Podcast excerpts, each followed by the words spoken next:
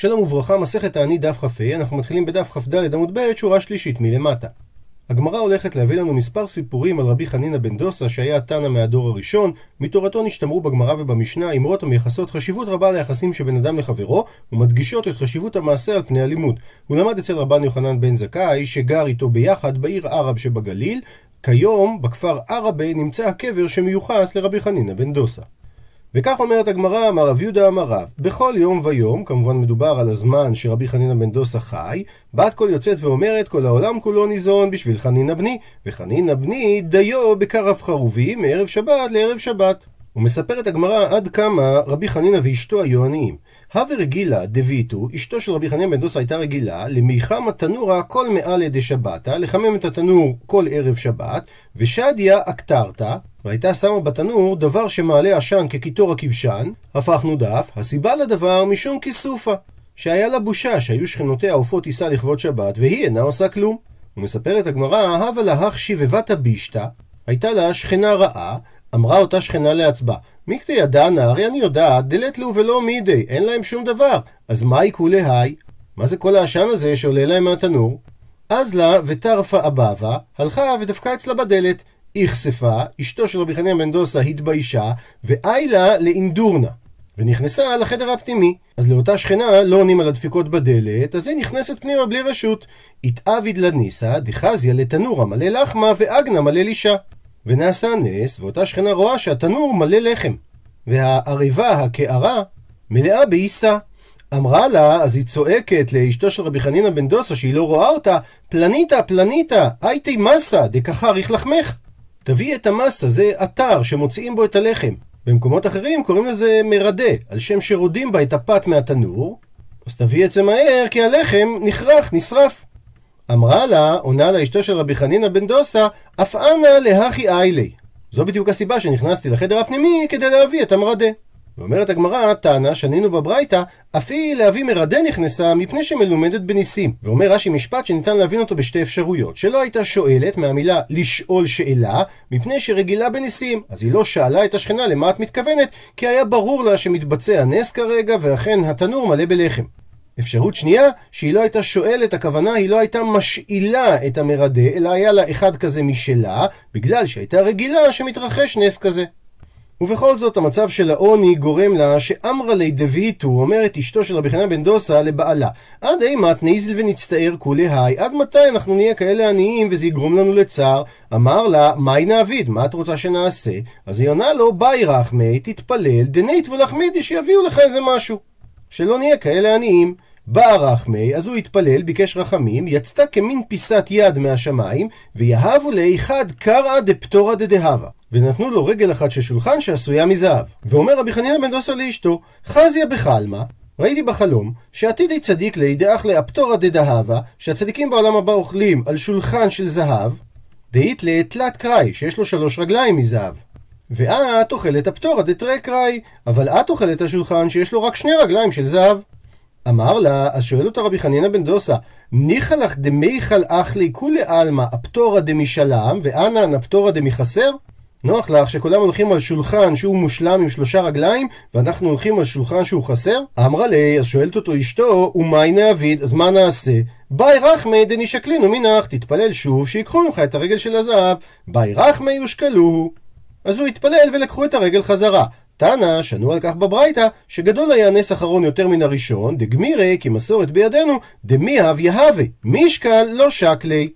שנס, אם אפשר לומר סטנדרטי, זה שנותנים משהו מן השמיים, אבל לקחת את זה חזרה אחרי שנתנו, זה נס יותר גדול.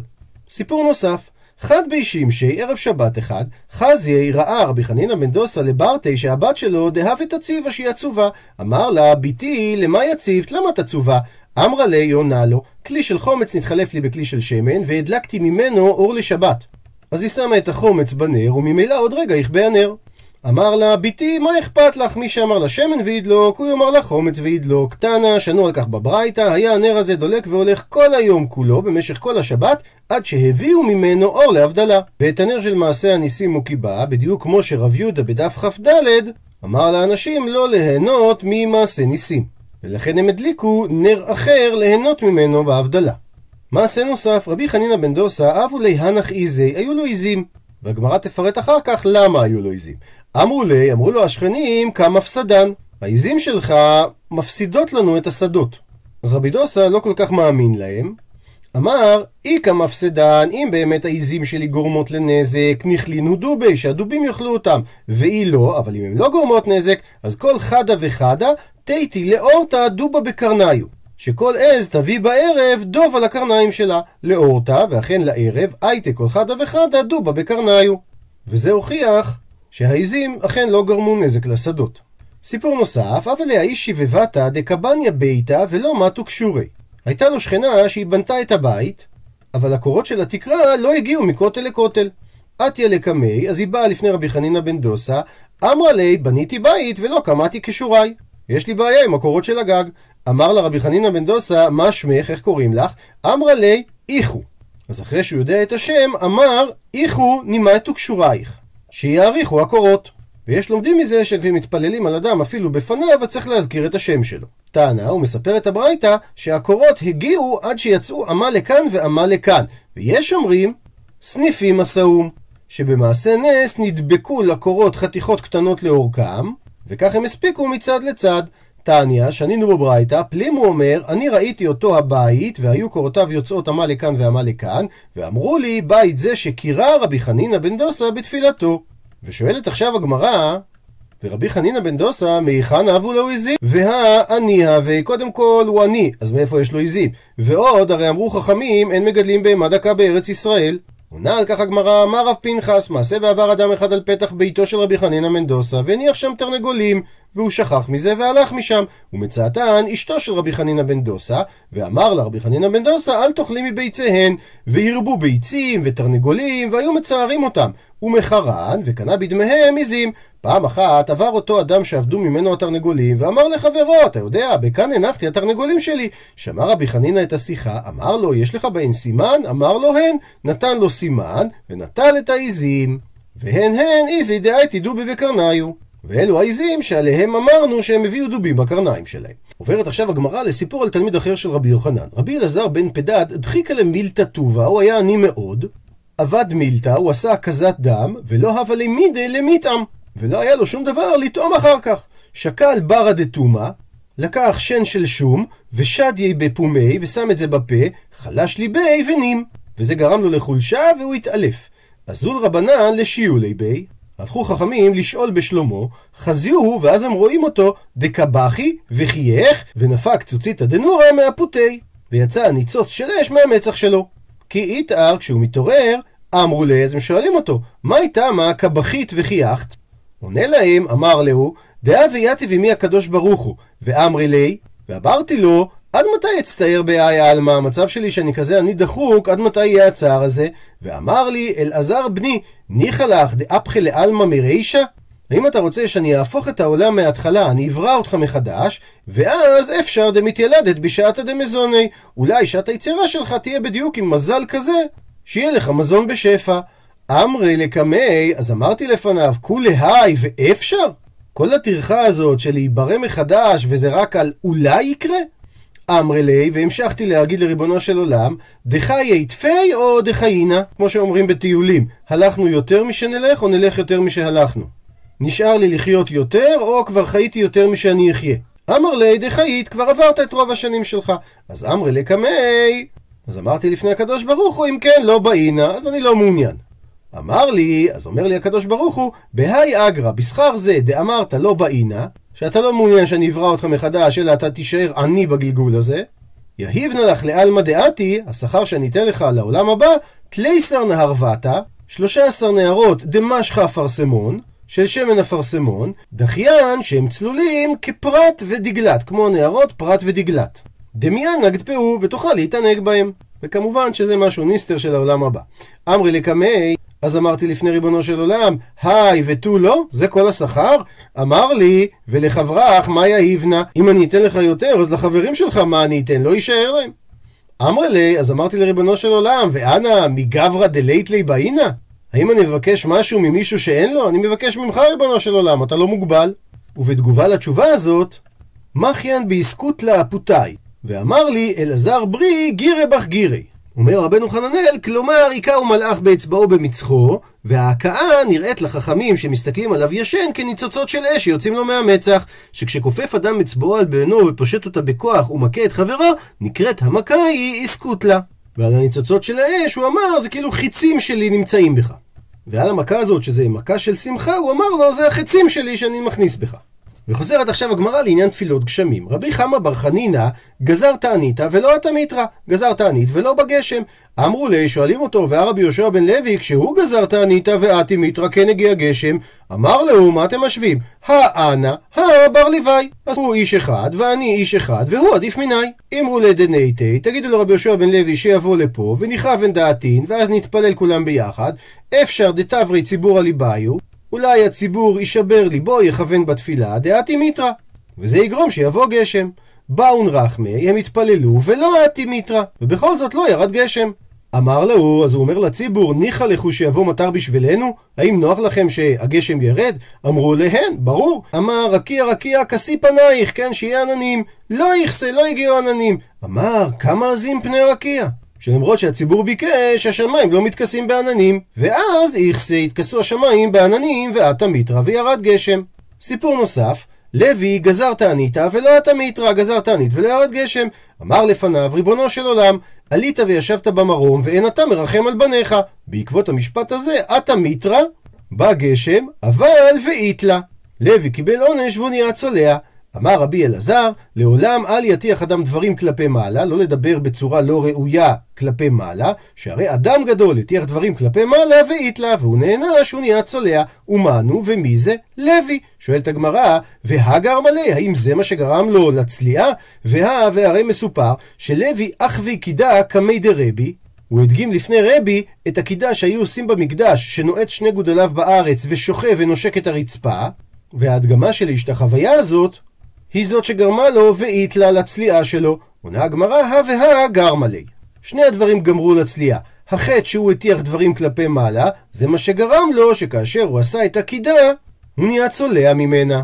סיפור נוסף, רבי חייא בר לוליאני, שמעינו להנח ענני, הוא שומע את העננים או את המלאכים שממונים על העננים, דקאמרי, שכך הם אומרים, ניטו ונית ומאיה בעמון ומואב. בוא נלך להוריד את הגשם שלנו בעמון ומואב.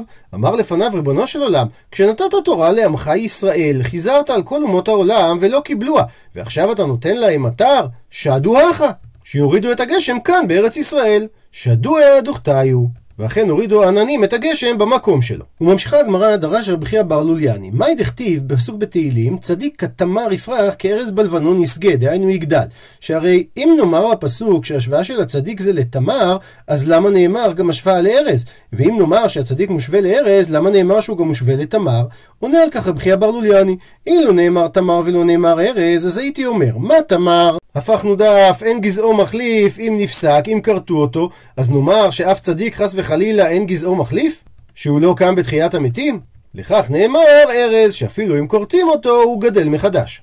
ומצד שני, אילו נאמר ארז ולא נאמר תמר, אז הייתי אומר, מה ארז אין עושה פירות, אף צדיק חס וחלילה אין עושה פירות? דהיינו שאין לו שכר לעתיד לבוא? לכך נאמר גם תמר, ונאמר גם ארז. עד לפה הדרשה, שואלת הגמרא, וארז גזעו מחליף? והתניא, והרי שנינו בברייתא, הלוקח אילן מחברו לקוץ, דהיינו לקצוץ אותו, מגבירו מן הקרקע טפח וקוצץ. ואז העץ יצמח חזרה, ואם מדובר בסדן השקמה, אז הוא צריך להגביה שני טפחים, ואם מדובר בבתולת השקמה, הוא צריך להגביה שלושה טפחים. בקנים ובגפנים הוא צריך להגביה מן הפקק ולמעלה, בדקלים ובארזים חופר למטה ומשריש, דהיינו הוא מוציא גם את השורש, והסיבה, לפי שאין גזעו מחליף. אז אנחנו רואים שארז שכורתים אותו לא צומח מחדש, וזה סותר את הדרשה של רב חייא בר לוליאני. מתרצת הגמרא, אחא במאי עסקינן, כאן במה מדובר? בשאר מיני ארזים. כדרבא בר הונא, דאמר רבא בר הונא, עשרה מיני ארזים הם, שנאמר, בספר ישעיהו נקרא בפנים, אתן במדבר ארז, שיטה והדס, ואת שמן נשים בערבה, בראש תדהר ותאשור יחדיו. ואומנם חסרים שלושה מיני ארזים כדי להשלים לעשרה סוגי ארזים, ואכן הגמרא בראש השנה מוסיפה עוד שלושה סוגים, אלונים, אלמונים, אלמוגים. והדרשה על הפסוק בתהילים, צדיק התמר יפרח כארז בלבנון ישגה, מדברת על סוג של ארז שכן גזעו מחליף. וממשיכה הגמרא תנו רבנן, שנו רבותינו בברייתא. מעשה ברבי אליעזר שגזר 13 תעניות על הציבור, ובכל זאת ולא ירדו גשמים. באחרונה, בתענית האחרונה, התחילו הציבור לצאת, הם רואים שזה לא עובד. אמר להם, תיקנתם קברים לעצמכם? שהרי אם לא יורד גשם, זה הפתרון, לכו תקברו את עצמכם מפני הרעב. והאמירה הזאת גרמה שגאו כל העם בבכייה, והתוצאה הייתה וירדו גשמים. שוב מעשה ברבי אליעזר שירד לפני התיבה ואמר 24 ברכות שתקנו בתענית ולא נענה. ירד רבי עקיבא אחריו להיות שליח ציבור ואמר אבינו מלכנו אין לנו מלך אלא אתה אבינו מלכנו למענך רחם עלינו ואז וירדו גשמים אבל זה גרם שהבו מרננה רבנן שחכמים עשו השוואה בין שניהם ואמרו שרבי עקיבא יותר גדול מרבי אליעזר. יצתה בת קול ואמרה לא מפני שזה גדול מזה אלא שזה מעביר על מידותיו וזה אינו מעביר על מידותיו. שרבי אליעזר היה תלמיד של שמאי, וכידוע הוא היה קפדן, הוא שמר על דיסטנס, כי זה מה שלדעתו גרם לכבוד תורה יותר גדול. לעומת זאת, רבי עקיבא היה תלמידו של הלל, שהוא כידוע היה מעביר על מידותיו כי הוא היה עניו, והוא אמר שזה מה שגורם לכבוד התורה. אז כאשר רבי אליעזר התפלל מידה כנגד מידה, הקפידו ולא נתנו גשם לעם, וכאשר רבי עקיבא התפלל מידה כנגד מידה, העבירו על המידה וכן נתנו גשם לעם. וממשיכה הגמרא, תנו רבנן, עד מתי יהיו הגשמים יורדים, ואז, והציבור פוסקים מתעניתם, שכמות הגשם כבר אומרת שלא צריך להתענות יותר, עונה הגמרא כמלוא ברך המחרשה, דברי רבי מאיר. הכוונה לעומק שהמחרשה נכנסת באדמה. לעומת זאת, וחכמים חולקים ואומרים, שזה תלוי בסוג האדמה. בחרבה, טפח, דהיינו, בקרקע יבשה, השיעור הוא טפח. שכיוון שהקרקע היא יבשה, הרי נכנסו בה הגשמים טפח, זה כבר אומר שזה רוב גשמים ירדו. בבינוני, דהיינו בקרקע שהיא לא חרבה, אז שיעור הגשם צריך להיות שהם ייכנסו טפחיים, ובאבודה שלושה טפחים, שבשדה חרושה הרי נכנסים בה הגשמים הרבה, לעומק של שלושה טפחים, כי אפילו בגשמים מועטים, בזה שהשדה היא חרושה, הם כבר נכנסים לטפח או טפחיים. אז רק אם הם מגיעים לגודל של שלושה טפחים, זה אומר שרוב גשמים ירדו. וממשיכה הגמרא תניא, שנינו בברייתא, רבי שמעון בן אלעזר אומר, אין לך טפח מלמעלה, שאין תהום יוצא לקראתו שלושה טפחים. שכשנכנסו הגשמים בעומק הקרקע טפח, אז מי התהום עולים ומתגברים שלושה טפחים. ושואל רש"י, הרי אנחנו יודעים שעומק מי התהום זה אלפא גרמידי. אז מה זה מועיל שהם עולים שלושה טפחים? עונה רש"י, רטיבותא מהניא. דהיינו שזה מועיל ללחות הקרקע. שואלת הגמרא, איך רבי שמעון בן אלעזר אומר שזה עולה שלושה טפחים, והתניא והרי שנינו בברייתא שהמי התהום עולים טפחיים, שני טפחים. עונה הגמרא, לא קשיא. כאן מדובר באבודה, כאן בשאינה אבודה. אם מדובר בקרקע שהיא לא חרושה, אז אפילו שנכנסו המים טפח בקרקע, הרושם שזה גורם למי התהום הוא רושם קטן, ולכן מי התהום עולים רק טפחיים. אבל אם מדובר בקרקע חרושה, הרי הטפח שנכנס בה, הוא נכנס בה לעומק יותר גדול, ואז מי התהום עולים כנגדם שלושה טפחים. מביאה הגמרא מימר נוספת, אמר רבי אלעזר, כשמנסחים את המים בחג הסוכות, תהום אומר לחברו, אבא מימיך, כי כל שני רעים אני שומע, שאני שומע את כל ניסוך המים, שנאמר, פסוק בספר תהילים, תהום אל תהום קורא לכל צינוריך, כל משבריך וגליך עלי עברו. אמר רבא, לדידי חזי היי רידיה, אני ראיתי את המלאך שממונה על הגשמים שקוראים לו רידיה, דמי לעיגלה, הוא נראה כמו עגל, ופירסה ספבתי, והשפתיים שלו מופרדות, הוא תמיד צוחק, וקיימה, והוא עומד בין תהום הטיטה לתהום העילה, הוא עומד בין המים של התהום התחתון למים של התהום העליון.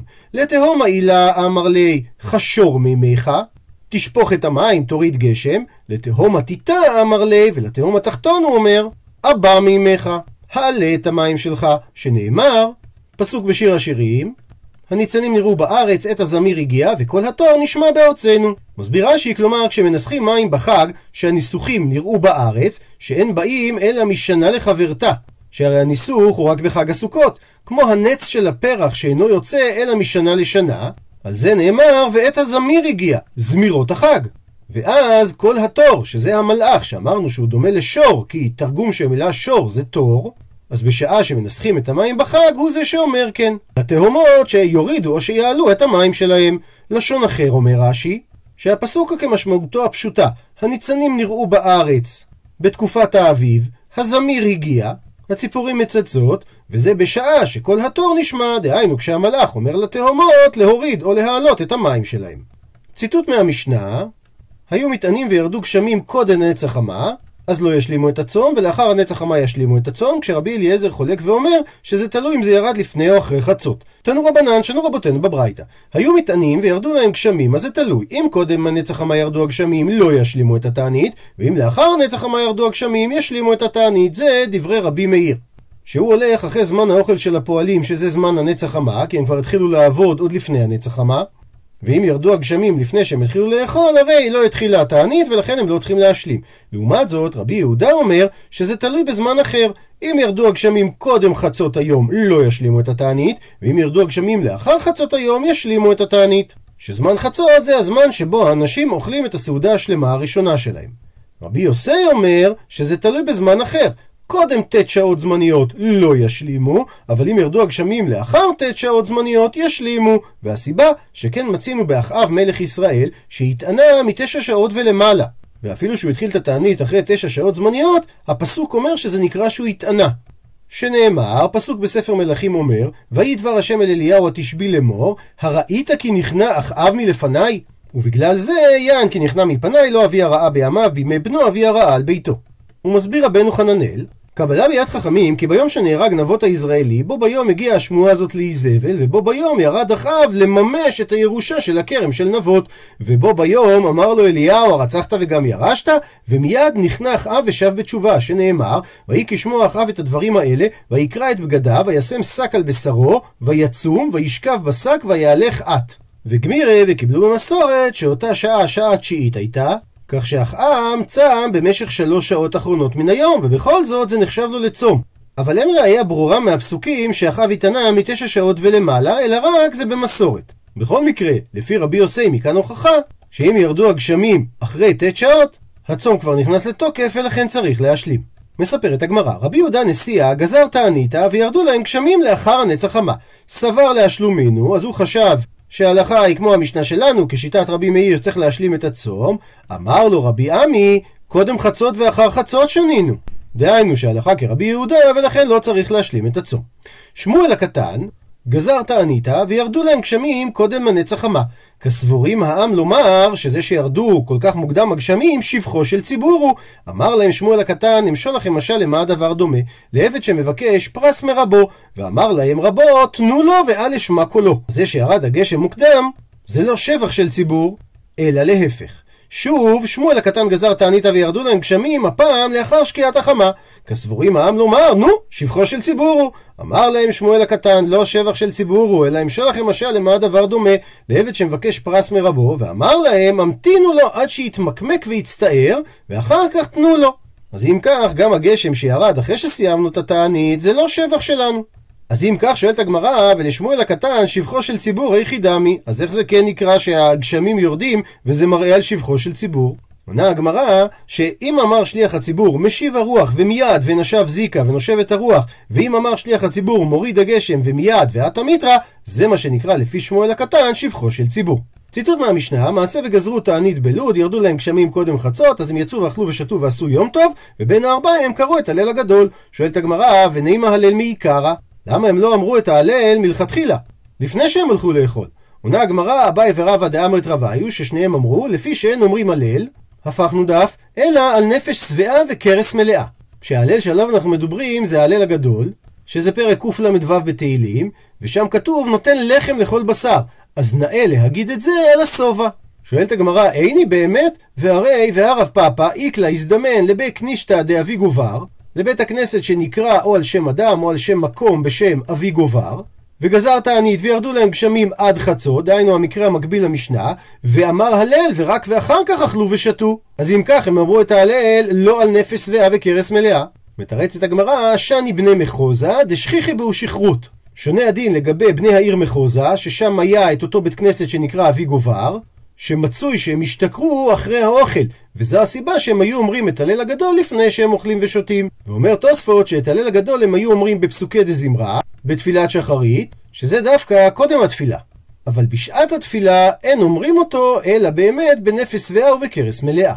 בשעה טובה סיימנו פרק שלישי, עד לכאן דף כ"ה. למעוניינים בהרחבה, הזכרנו את העניין של כריתה של עצים והתחדשות הגזע. וכך כותב דוקטור משה רענן בפורטל הדף היומי. התחדשות של עץ שלם או חלקים ממנו אפשרית אך ורק בתוך קבוצת תאים עובריים הנקראת ניצן צמיחה או פקע. שאר התאים בעץ אינם יכולים לייצר תאים חדשים, משום שהם תאים מתים או תאים שעברו התמיינות לסוג תאים מסוים, כמו למשל תאי שיפה, שזה חלק ממערכת הצינורות, שמובילה חומרים אורגניים מעלים לשורש, והם לא יכולים לבצע נסיגה ולחזור להיות תאים עובריים שמסוגלים להצמיח תאים חדשים. ניצני הצמיחה הם למעשה כעין ענפים התחלתיים או גבעולים מקוצרים, הנושאים התחלות של עלים במצב רדום. ניתן להבחין בכמה סוגים של ניצנים. הסוג הראשון נקרא ניצון קודקודי. זה ניצון הממוקם בראש הענף, וממנו מתפתחים ענפים חדשים המעריכים את העץ או את ענפיו. הסוג השני נקרא ניצן חכי. הוא ניצן ממוקם בחק עלה או קשקש, וניתן לראות אותו בנקודת חיבור העלה על הגבעול, וממנו מתפתח ענף צדדי או פרחים. הסוג השלישי הוא ניצן התחדשות, ניצן ממנו מתפתחים פרחים או גבעולים חדשים לאחר תרדמה. למשל, לאחר הקיץ מתפתחים מבצל החצב תפרחת, לאחר מכן עלים או התפתחות זמורה מעין בגפן. מיקום ניצן ההתחדשות קובע את צורת הצמח. כאשר הניצן נמצא בזרע הצמח הוא חד שנתי. בעצים הניצנים ממוקמים בקצה העליון של הענפים, לכן העץ מתפתח לגובה. בשיחים הניצנים ממוקמים בצידי הענפים, לכן הם מתפתחים לצדדים ולא לגובה. בדרך כלל הניצנים נמצאים במצב רדום בגלל עיכוב הנגרם כתוצאה מהפרשת הורמונים מעכבים משאר חלקי הצמח. הצמרת או קצוות ענפים מפרישים הורמונים המונים פריצת ענפים צדדיים מתוך הניצנים החיקיים. בקרה זו נקראת שלטון קודקודי, והיא מתבטלת כאשר אנו קוצצים את הצמרת או את הענף. השלטון הקודקודי משפיע גם על המבנה הכללי של העץ. בדרך כלל יש לעצים מבנה חרוטי, כאשר אזור הצמרת צר בהשוואה לחלק הבסיסי. הסיבה לכך היא דיכוי ההתפתחות של ענפים ועלים בחלק הקרוב לצמרת, על ידי ההורמונים המעכבים המרוכזים באזור זה. ככל שמתרחקים מהצמרת, ריכוז ההורמונים וכן השפעתם יורד, לכן התפתחות העץ בחלק הבסיסי נמרצת יותר. נזכיר שלושה סוגי עצים שהזכרנו בגמרא. סדן השקמה, לאחר הקציצה הראשונה של השקמה, מתפתחים ניצני ההתחדשות מתחת לפני שטח הסדן, במיקום נמוך יותר מאשר בבתולת השקמה, ולכן די בהשארת שני טפחים. קנים וגפנים, בניגוד לכל העצים הקודמים, שבהם לא ניתן להבחין בניצני התחדשות לפני התפתחותם, הרי שבקנים ובגפנים הניצנים בולטים גם במצב הרדום. לכן רשאי מי שקונה את העץ לקצוץ אותו, ובלבד שהוא יימנע מלקצוץ את הניצן, דהיינו את הפקק הקרוב ביותר לקרקע, וכך הוא יאפשר את ההתחדשות מניצן זה. בגפנים, הניצן בולט, והכוונה למבנה הנקרא בשפת החקלאים עין. בקנים, הכוונה לאזור המחיצה המפרידה בין שני פרקי הקנה. בדקלים וארזים אין צורך להשאיר גדם מעל פני הקרקע, משום שבכל מקרה אין עצים אלו מתחדשים, ובלשון הרשב"ם, לפי שאין גזעו מחליף, שאם יניח ממנו חוץ לקרקע, הואיל ונקצץ בראשו. הדקלים שייכים לחד פסיגיים, החלק הפעיל הוא בצמרת העץ, כך שבדרך כלל אין לדקל ניצני התחדשות לאורך הגזע, ומכאן גם צורתו המיוחדת. העלים מרוכזים בצמרת בלבד, ואילו כל הגזע חשוף. גם הארזים, כמו רוב בני משפחת עצי האורן, אינם מתחדשים. תופעה זו בולטת לאחר שרפות יער, בה ניתן לראות התחדשות אורנים מזרעים בלבד, ואילו עצי חורש אחרים מתחדשים מבסיסם.